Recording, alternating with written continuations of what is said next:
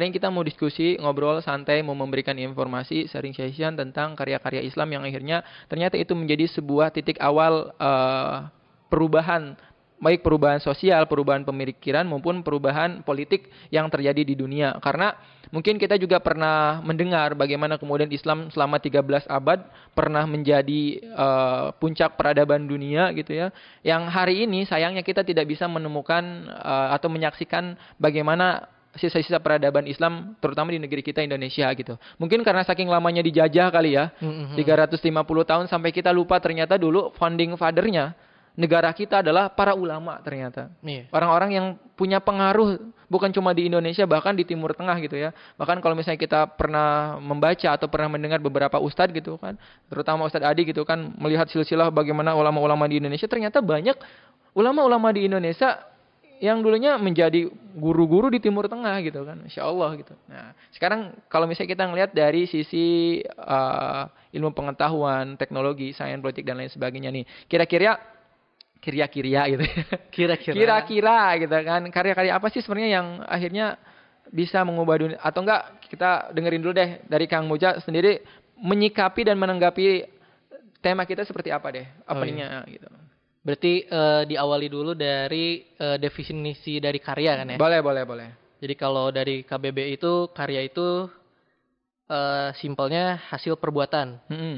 baik yang terlihat maupun yang tidak terlihat, tapi manfaatnya bisa dirasakan. Terasakan, betul. Kayak gitu. Jadi kayak yang kita tahu misalnya karya tuh kayak uh, apa hasil foto, ya. video, bangunan. Hmm Kemudian yang terlihat ya, apalagi tuh biasanya jembatan, jembatan, pesawat, pesawat yang terlihat. Uh, uh, kemudian kamera, kamera, ya. Nah kemudian ada juga yang tidak terlihat gitu, kayak uh, apa namanya? pemikiran-pemikiran, uh, ya, betul, pemikiran. Kemudian uh, itu kan berarti uh, karyanya dari buku, tapi hmm. uh, pemikirannya itu yang hidup gitu, betul. yang bisa diman uh, apa dirasakan manfaatnya oleh uh, orang banyak. Hmm. Ya seperti uh, apa namanya? Eh, kisah-kisah maksudnya kayak ulama-ulama dulu yang nulis hadis, kemudian nulis sirah nabawiyah yang sampai akhirnya pada kita gitu. Betul. Nah, itu kan sebuah karya juga gitu. Nah, jadi uh, salah satu karya ya berarti kan tadi hasil perbuatan itu bisa yang terlihat atau yang tidak terlihat. Oke, uh, berarti tapi manfaatnya bisa manfaatnya dirasakan. terasakan. Oke, berarti memang uh, karya di sini tidak bisa kita hanya peruntukan untuk suatu hal yang memang terlihat sifatnya ya. Yeah. Tapi karya itu ternyata bisa juga bersifat hal-hal yang mungkin tidak berbentuk secara fisik gitu kan. Iya. Yeah. Bisa berbentuk pemikiran, tapi pemikiran itu menjadi uh, apa ya inspirasi gitu kan bagi jutaan manusia dan akhirnya yeah. menjadi sebuah ideologi gelombang semangat dan lain sebagainya gitu Betul. dan itu juga banyak ternyata karya itu sifatnya begitu luas gitu yeah. lah iya. intinya kayak gitu okay. nah dan yang lebih kerennya lagi uh, bahwa banyak penemuan di mana di dunia yang sekarang kita rasain manfaatnya mm -hmm. itu uh, istilahnya rootsnya dari ulama dari cendikiawan-cendikiawan muslim. Iya. Contohnya kayak misalkan pesawat mm, dari Ibnu Firnas kan? Betul. Yang hidup di zaman apa? Uh, Andalusia. Andalus. Kemudian juga penemu kamera. Mm. Ya kan? Uh, ulama Ibnu Haitam. Ibnu Haitam. Uh, sampai sekarang kamera secanggih hari ini gitu. Mm. Kayak gitu sih. Jadi uh, apa namanya? Istilahnya mereka ngebuat kitabnya, tapi 100 tahun kemudian uh, orang lain yang menyempurnakannya gitu itu kan uh, apa dari dulu kita nggak tahu bahwa mereka nih yang ngebuat protot bukan prototipe apa ya uh, dasarnya, rootsnya, rootsnya dasarnya. Dasar peletak dasar teorinya itu ternyata dari orang-orang Islam ya, dari cendikiawan-cendikiawan Muslim pada waktu itu gitu. Iya, gitu. Ini menarik banget teman-teman gitu ya. Uh, ternyata uh, banyak hal yang nggak kita ketahui gitu, terutama mengenai ilmu pengetahuan gitu ya, hmm. yang mungkin hari ini kita hanya bisa merasakan manfaatnya. Tadi disinggung nih sama Kang Moja, sama Akhi, eh, Akhi Muza itu tentang pesawat Mungkin nah. hari ini kita menyaksikan pesawat terbang, hilir mudik ke sana kemari, membawa orang gitu kan. Itu sesuatu hal yang excited banget gitu kan. Yeah, yeah. Ternyata letak dasar teori tentang pesawat terbang itu ditemukan bukan oleh orang-orang barat. Mungkin kalau misalnya kita kenal di buku-buku sejarah kali ya atau misalnya buku-buku literatur biografi waktu zaman SD, SMP, SMA kita tahunya yang menemukan pesawat terbang itu adalah uh, right bersaudara gitu. Iya, kan. betul, betul. Jadi ternyata setelah hari ini gitu kan kita akhirnya coba gali lagi peletak dasar teorinya adalah Abbas Ibnu Firnas gitu ya. Hmm. Tadi Kang Muja sudah uh, jabarkan. Itu gimana Kang? Abbas Ibnu Firnas itu inspirasinya tuh dalam menemukan pesawat. Kira-kira tahu nggak nih? Biar kita share ke teman-teman. Yang pernah kita uh, anak baca sih ini apa? Ngelihat burung yang bisa terbang gitu kan. Hmm. Kayak gitu. Jadi uh, dan juga uh, dengar dari kajian Ustadz Adi Hidayat uh, terinspirasi dari, dari ayat Al-Qur'an. Hmm. Nah, itu menariknya gitu. Jadi uh, ketika ulama itu membuat sebuah karya dia inspirasinya dari Al-Quran gitu. Nah itu hmm. baru tahu juga sih. Jadi uh, ketika tahu itu, kenapa sih uh, kita hari ini nggak berkarya? Sumbernya inspirasinya dari Al-Quran gitu. Oh, itu kan okay, betul betul. Menarik juga ya. Jadi uh, bisa memberi ya kayak tadi penemuan pesawat, kamera itu kan uh, bisa menghadirkan kemaslahatan mm -hmm. lebih luas kan hari ini. Jadi kayak kalau dulu kita naik haji nih, Betul. Naik haji uh, belum ada pesawat tiga bulan butuh waktu tiga bulan. Tapi kalau sekarang ya dua hari ke Mekah juga.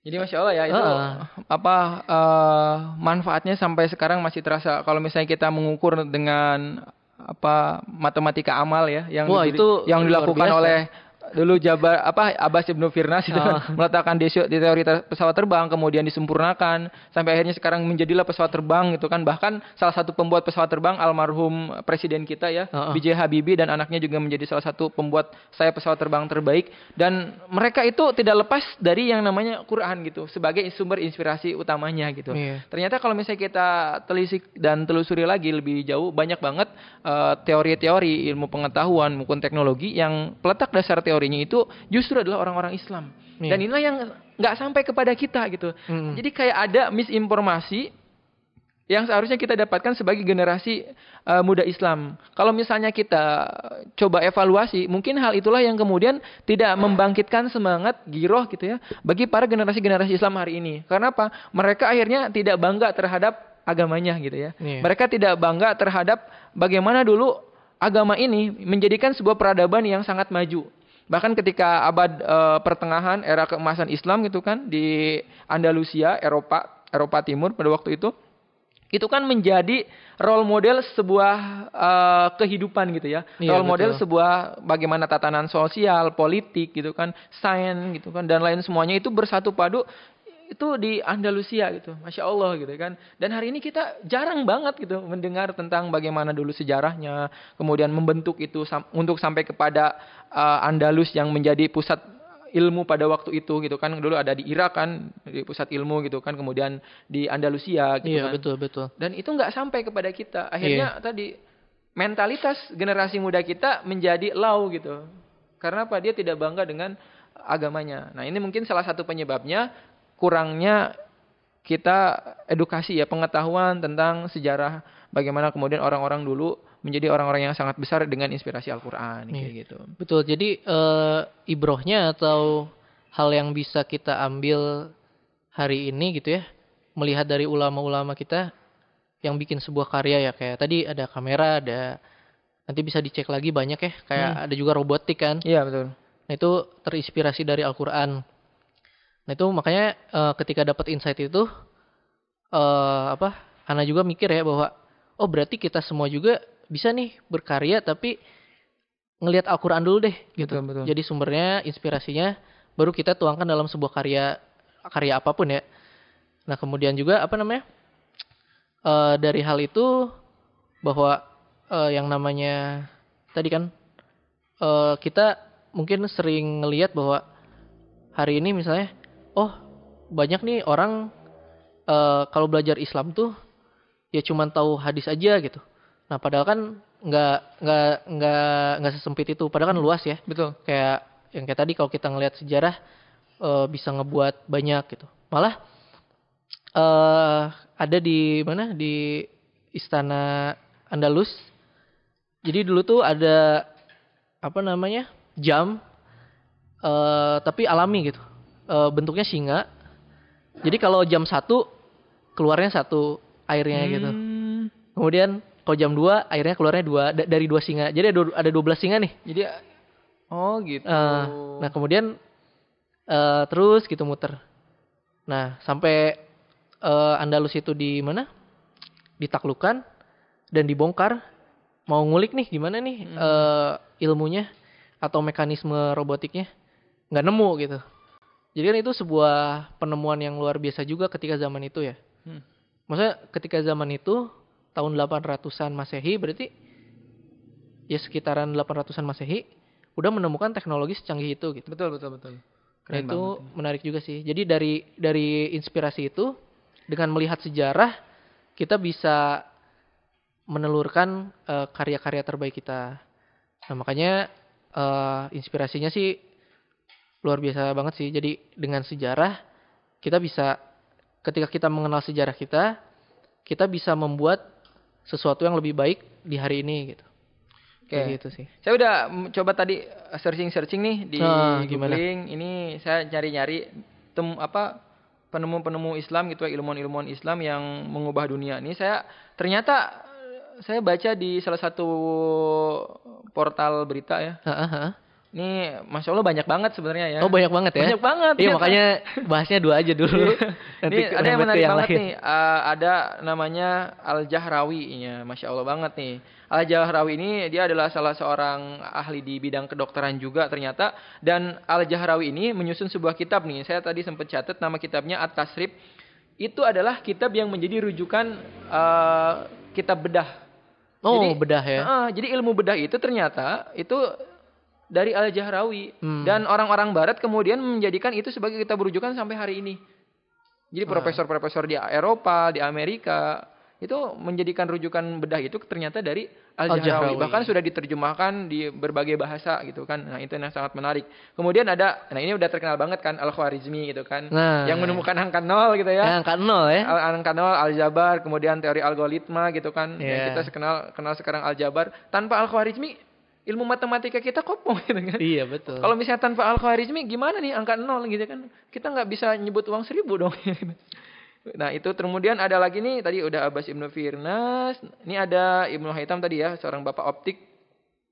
Kemudian ada ini juga nih menarik banget nih namanya Jabir Ibnu Hayyan. Hmm. Kalau misalnya kita pernah mendengar beliau ini adalah bapaknya kimia. Bapak kimia. Bapak okay. kimia. Karena beliau ini uh, adalah orang yang menemukan atom. Ya, jadi teori atom itu ditemukan oleh Jabar Ibnu Hayyan. Kalau misalnya mendengar dari cerita beberapa ustadz dia pernah mengisahkan tentang Jabar Ibnu Hayyan ini, dia terinspirasi dari Quran surat Al-Hadid kan, tentang Masya besi gitu. Dan ternyata luar biasa gitu ya. Nah, itu menarik tuh. Jadi uh, frame berpikirnya adalah ketika membuat karya, hmm. inspirasinya hmm. dari Al-Qur'an, tujuan membuat karyanya itu pertama uh, ulama-ulama itu gimana caranya karya hmm. saya betul betul bisa membuat umat uh, apa namanya mudah dalam menjalankan ibadah. Mm -hmm. Pertama dan kedua adalah untuk dakwah. Gimana karya saya berguna untuk uh, syiar Islam. Betul. Nah itu menarik sih dua prinsip uh, inspirasi yang aku dapat dari apa namanya ketika membaca sejarah itu ya. Mm -hmm. Jadi oh ya udah berarti dua hal ini bisa kita uh, ambil frame berpikirnya untuk ngebuat karya-karya yang lain kayak gitu. Misalnya kan karya tadi banyak ya. Hmm. Jadi setiap manusia kan dikasih apa namanya? Uh, dikasih sama Allah tuh potensi dirinya masing-masing. Kayak ada yang potensinya apa namanya? bisa ngegambar, ada yang jago uh, berbicara, kemudian ada yang jago hitung-hitungan, ada kimia gitu Betul. gitu kan. Betul. Nah, jadi uh, sebenarnya itu uh, indahnya gitu ya kalau kita ngelihat sejarah keemasan Islam dulu itu tuh pasti uh, insya Allah tuh hati kita tuh tergerak bahwa oh ya udah nih gimana nih uh, potensi saya bisa berguna untuk uh, syiar Islam gitu. Nah, betul itu banget. sih menarik juga ya. Ini juga saya baru tahu nih, ternyata uh, rumah sakit rumah sakit yang kita kenal hari ini. Oh iya rumah sakit. Rumah Apa sakit tuh? itu ternyata Enggak, jadi Sistemnya? ternyata sistem manajemen rumah sakit itu, oke, okay, itu itu di, dibuat pertama kali itu adalah orang Islam yang membuat. Ya kalau nggak salah itu nama yang membuat manajemen rumah sakit itu namanya Ahmad Ibnu Tulun. Mm, oke. Okay. Jadi beliaulah yang akhirnya menyatukan antara dokter gitu ya. Oh ya namanya Bimaristan ya ya. Gitu. ya. Bimaristan ya. Jadi di dalam di dalam sebuah manajemen yang saat ini kita kenal dengan namanya rumah sakit gitu. Iya ya. Masya Allah gitu kan yang hari ini rumah sakit menjadi ujung tombak nih dalam penanganan kasus corona. Iya, Dan betul, ini adalah jasa besar daripada cendikiawan muslim. Nah itu menarik juga. Nah dan salah satu hmm. yang uh, tadi uh, awalnya ketika tahu nih ya hmm. uh, sering main kamera, terus kerjaan juga di kamera, betul, betul. kemudian baca-baca bahwa ih penemunya ulama nih Ibnu Haitam gitu kan? Ibnu Haitam ya. Wah uh, makin semangat nih bahwa jadi oh ternyata ketika ulama itu menemukan sebuah penemuan ya tadi kan tujuannya untuk mempermudah ibadah dan yang satu lagi untuk syiar kan. Nah kemudian juga uh, inspirasinya lagi tadi yang uh, Rena bilang bahwa karya misalnya kayak karya pesawat sekarang tuh memudahkan umat manusia untuk berhubungan untuk saling uh, pergi dari satu tempat ke tempat lain itu dengan mudah gitu ya. Hmm. Bahkan itu masya Allah maksudnya uh, sebuah amal soleh gitu ya. Kan kayak hadisnya tuh barang siapa yang menem, uh, menunjukkan sebuah kebaikan, dia akan men mendapatkan kebaikan seperti orang yang dia tunjukkan gitu kan. Hmm. Nah itu jadi uh, misalnya motivasi buat kita untuk yuk ah berkarya gitu untuk Islam kayak gimana gitu ya. Nah ini juga menarik sih jadi kayak uh, buka apa ya fenomena sosial tentang hijrah anak muda gitu kan. Betul. Nah itu juga uh, istilahnya dari Instagram, tapi bisa juga uh, penemuan inovasi barunya tuh dari desain-desain yang anak muda banget, tapi pesan-pesannya Islam. Kemudian dari apa namanya karya-karya filmnya, tapi ada nilai Islamnya gitu. Nah itu kan sebuah apa inovasi yang belum pernah kita lihat 10 tahun ke belakang gitu ya. Itu okay, okay. menarik sih. Jadi setiap ketika teknologi maju, ketika fasilitas ada, yaitu kita bisa berkarya sekaligus uh, berkreativitas, kemudian untuk menyampaikan nilai-nilai Islam.